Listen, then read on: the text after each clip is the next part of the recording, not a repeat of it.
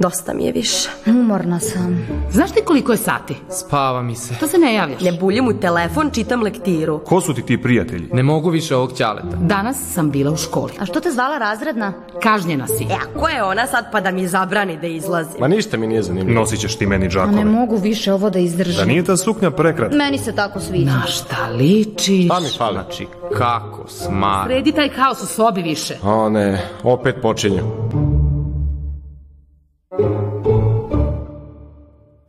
Zdravo, zdravo. Danas se nalazimo u emisiji koja će vas prikovati za ekran. Sećate se kada smo bili mali roditelji su nam bili centar sveta i nismo imali baš nikakav problem sa njima. Sad smo malo porasli i svako malo se nešto svađamo. Da li nam nadaju dovoljno slobode ili mi previše tražimo. I gde je tu zapravo problem? Da li se mi svađamo sa njima previše ili nećemo ništa da im kažemo pa ćutimo i brojimo do deset? Glavni problem je što ne znamo da komuniciramo. A da bismo naučili pravilno, moramo sa nekim porazgovarati. Zato danas razgovaramo sa jednom psihološkinjom koja će nam objasniti kako se to komunicira pravilno sa roditeljima.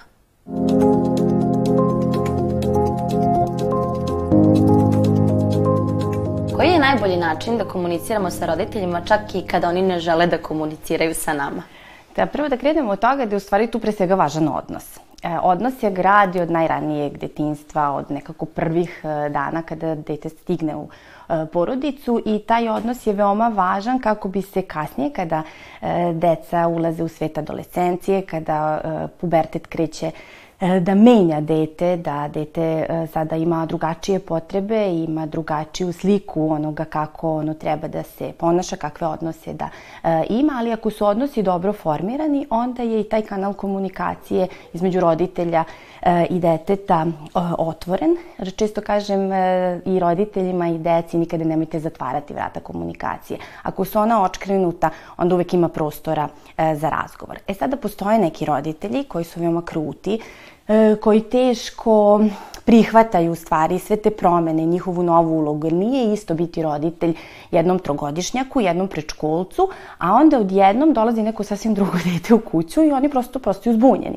E, nekada i njima potrebna podrška kako da bolje sada razumeju svoje dete i da e, prihvate da vaspitni stilovi koji su i načini u stvari ophođenja prema detetu i komunikaciji sada treba da se menjaju. E sad, ako e, su roditelji tako kruti, onda je možda i, i dete to koje može da pokrene neki vid e, drugog odnosa, da preuzme u stvari e, koliko je to moguće u tim godinama negde inicijativu e, i da e, onda kada je situacija mirna, ne onda kada je, na primjer, konflikt u toku, nego kada je situacija mirna, da negde pokrene e, iz one uloge šta je njemu bitno. Kakav ti odnos imaš sa svojim roditeljima?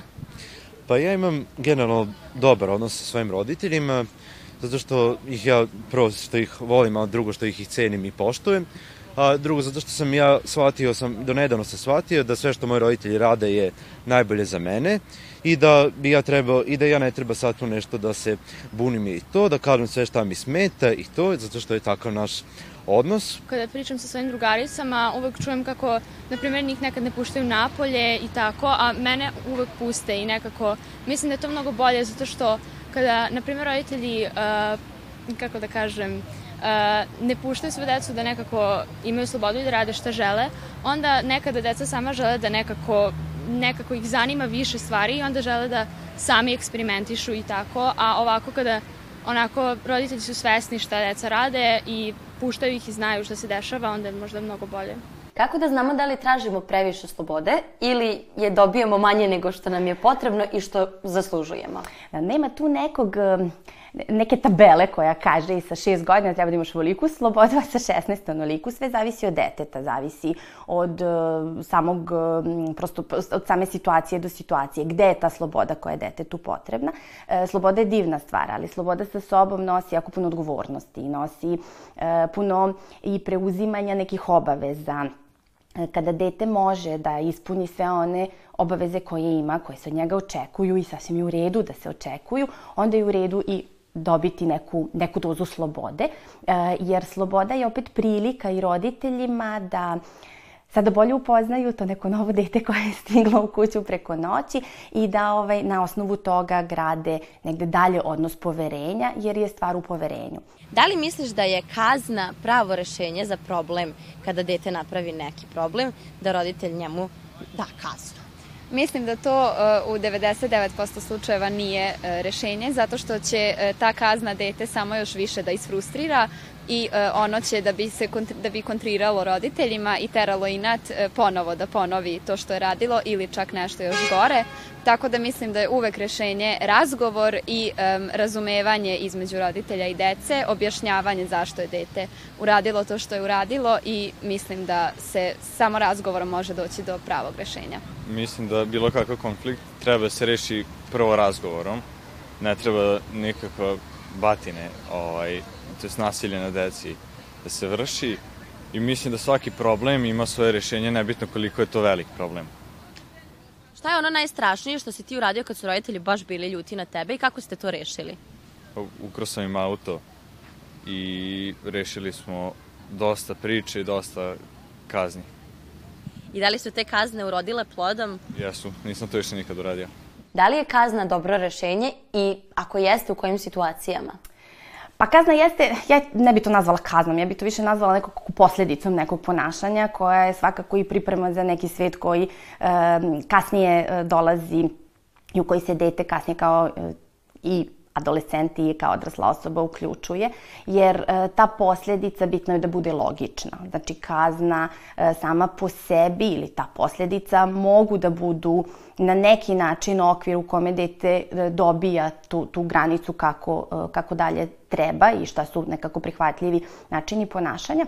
Tvoje pitanje je kako u stvari ako roditelji su zauzeti ili ako nemaju dovoljno vremena, jer to i jeste možda negde savremeni način života e, nam ne omogućava toliko, toliko vremena, ali ono što e, može da bude neki savet jeste da e, skoro sam baš imala takvu situaciju sa jednom tinejdžerkom da je svojim roditeljima koji su stalno na telefonu na kraju pisala mailove i e, u stvari ukazala im je na to šta oni rade i mislim da i oni nisu bili svesni toga koliko nemaju odnos, koliko se taj odnos izgubio ovim savremenim načinom života. Tako da uvek sam za to da se na najrazličitije načine pokuša, ali ukoliko idemo u one ekstreme, ukoliko su roditelji do te mere i agresivni i koliko pokušavaju na te neke represivne načine da e, sputaju tu slobodu svog deteta, onda sam uvek za to da se i potraži pomoć, da dete od neke druge odrasle osobe potraži pomoć, da li će to da bude neko iz porodice bliske ili neko iz škole, ukoliko je to baš otišlo toliko predaleko.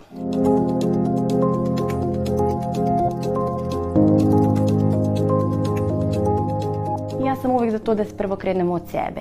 Ja se osjećam tako i tako i meni smeta kada ti radiš to i to i da na taj način fokus e, prebacujući na sebe, negde ne zatvaraju komunikaciju. Jer ako krene sa napadom, onda se i komunikacija najčešće zatvori i onda krene kontranapad i onda to može da odvede u konflikt. Ne kažem ni konflikti nisu loša stvar, konflikti nas isto tome mnogo toga mogu nam ovaj, konflikti doneti i naučiti nas, jer pre svega možemo da naučimo kako ulazimo u konflikt, ali kako iz njega izlazimo roditelji su takođe ljudi i mogu da greše. Ali se mi od detinjstva učimo o tome da treba da im beskompromisno verujemo. Kako da prepoznamo da roditelj nije u pravu i zapravo da li je roditelj uvek u pravu? Pa niko nas nije uvek u pravu. Uvek su to nekako različiti spletovi događaja i nekih okolnosti gde je u redu da grešimo. I e, koliko god e, mi kao roditelji grešimo, a grešimo, ja sam uvek za to da roditelj kaže izvini, ja sam ovog puta pogrešio, napravio sam grešku. I to je u stvari način da mi i kao roditelji i detetu damo dozvolu da to da pogreši, ali isto tako i kako onda se ponašamo posle posle te greške, šta onda radimo, šta kažemo. E, tako da treba ipak e, negde razgovorom pokušati u stvari sa roditeljima doći do toga koji je to baš konkretno razlog zašto roditelj e, na taj način e, ne mogu da kažem pravi greške, ali zašto uopšte reaguje na taj način, jer je često u roditeljskim e, ponašanjima iza njih stoji negde strah strah da će se detetu nešto desiti, da će dete nekako imati neki problem sa kojim neće moći da se nosi i da je ta u stvari zaštitnička uloga koju roditelji često imaju odvodi u takve neke e, načine da sačuva dete i da ga spašava od sveta koji nas okružuje. Sada kada smo sve to razjasnili, razjasnili smo, ali tako? Pa, jesmo li? Razjasnili smo. Sada ćemo da se vratimo na naše zadatke. Znate kako imamo zadatke u svakoj emisiji. Postavimo pitanje i onda vi odgovorite. A proverite kasnije da li ste tačno odgovorili i ako jeste, da vam jedan od naših predavača objasni zašto je to tako i kako je.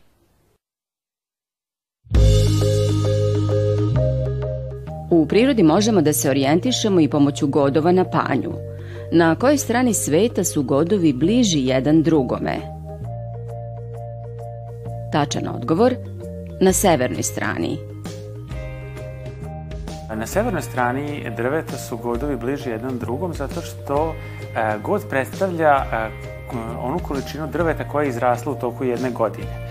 To najviše zavisi od toga da li ima sunca, da li ima kiša. Kako znamo da a, sunca ima najmanje na severnoj strani sveta, odnosno na severnoj strani drveta, zato su godovi tu najbliži jedan drugom, zato se na tom mestu drvo najmanje izraslo u toku jedne godine.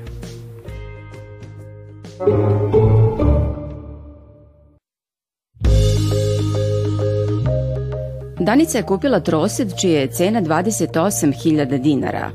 Prvu ratu koja iznosi dve petine ukupne cene platila je odmah, a ostatak plaća u tri mesečne rate.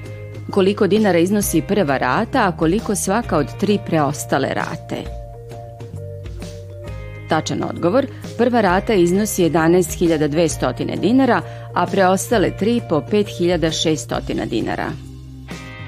Da bismo pomogli Danici koliko je potrebno da izdvoji svaki mesec da bi isplatila trosed, potreb, prvo ćemo izračunati koliko iznosi prva rata. Dve petine puta 28.000 jednako je 11.200. Zatim treba da izračunamo ostatak 28.000 minus 11.200 je 16.800. Zatim da taj ostatak podelimo na 3. 16.800 podeljeno na 3 jednako je 5.600. Dakle, Svaka od preostale tri rate iznosi po 5600 dinara.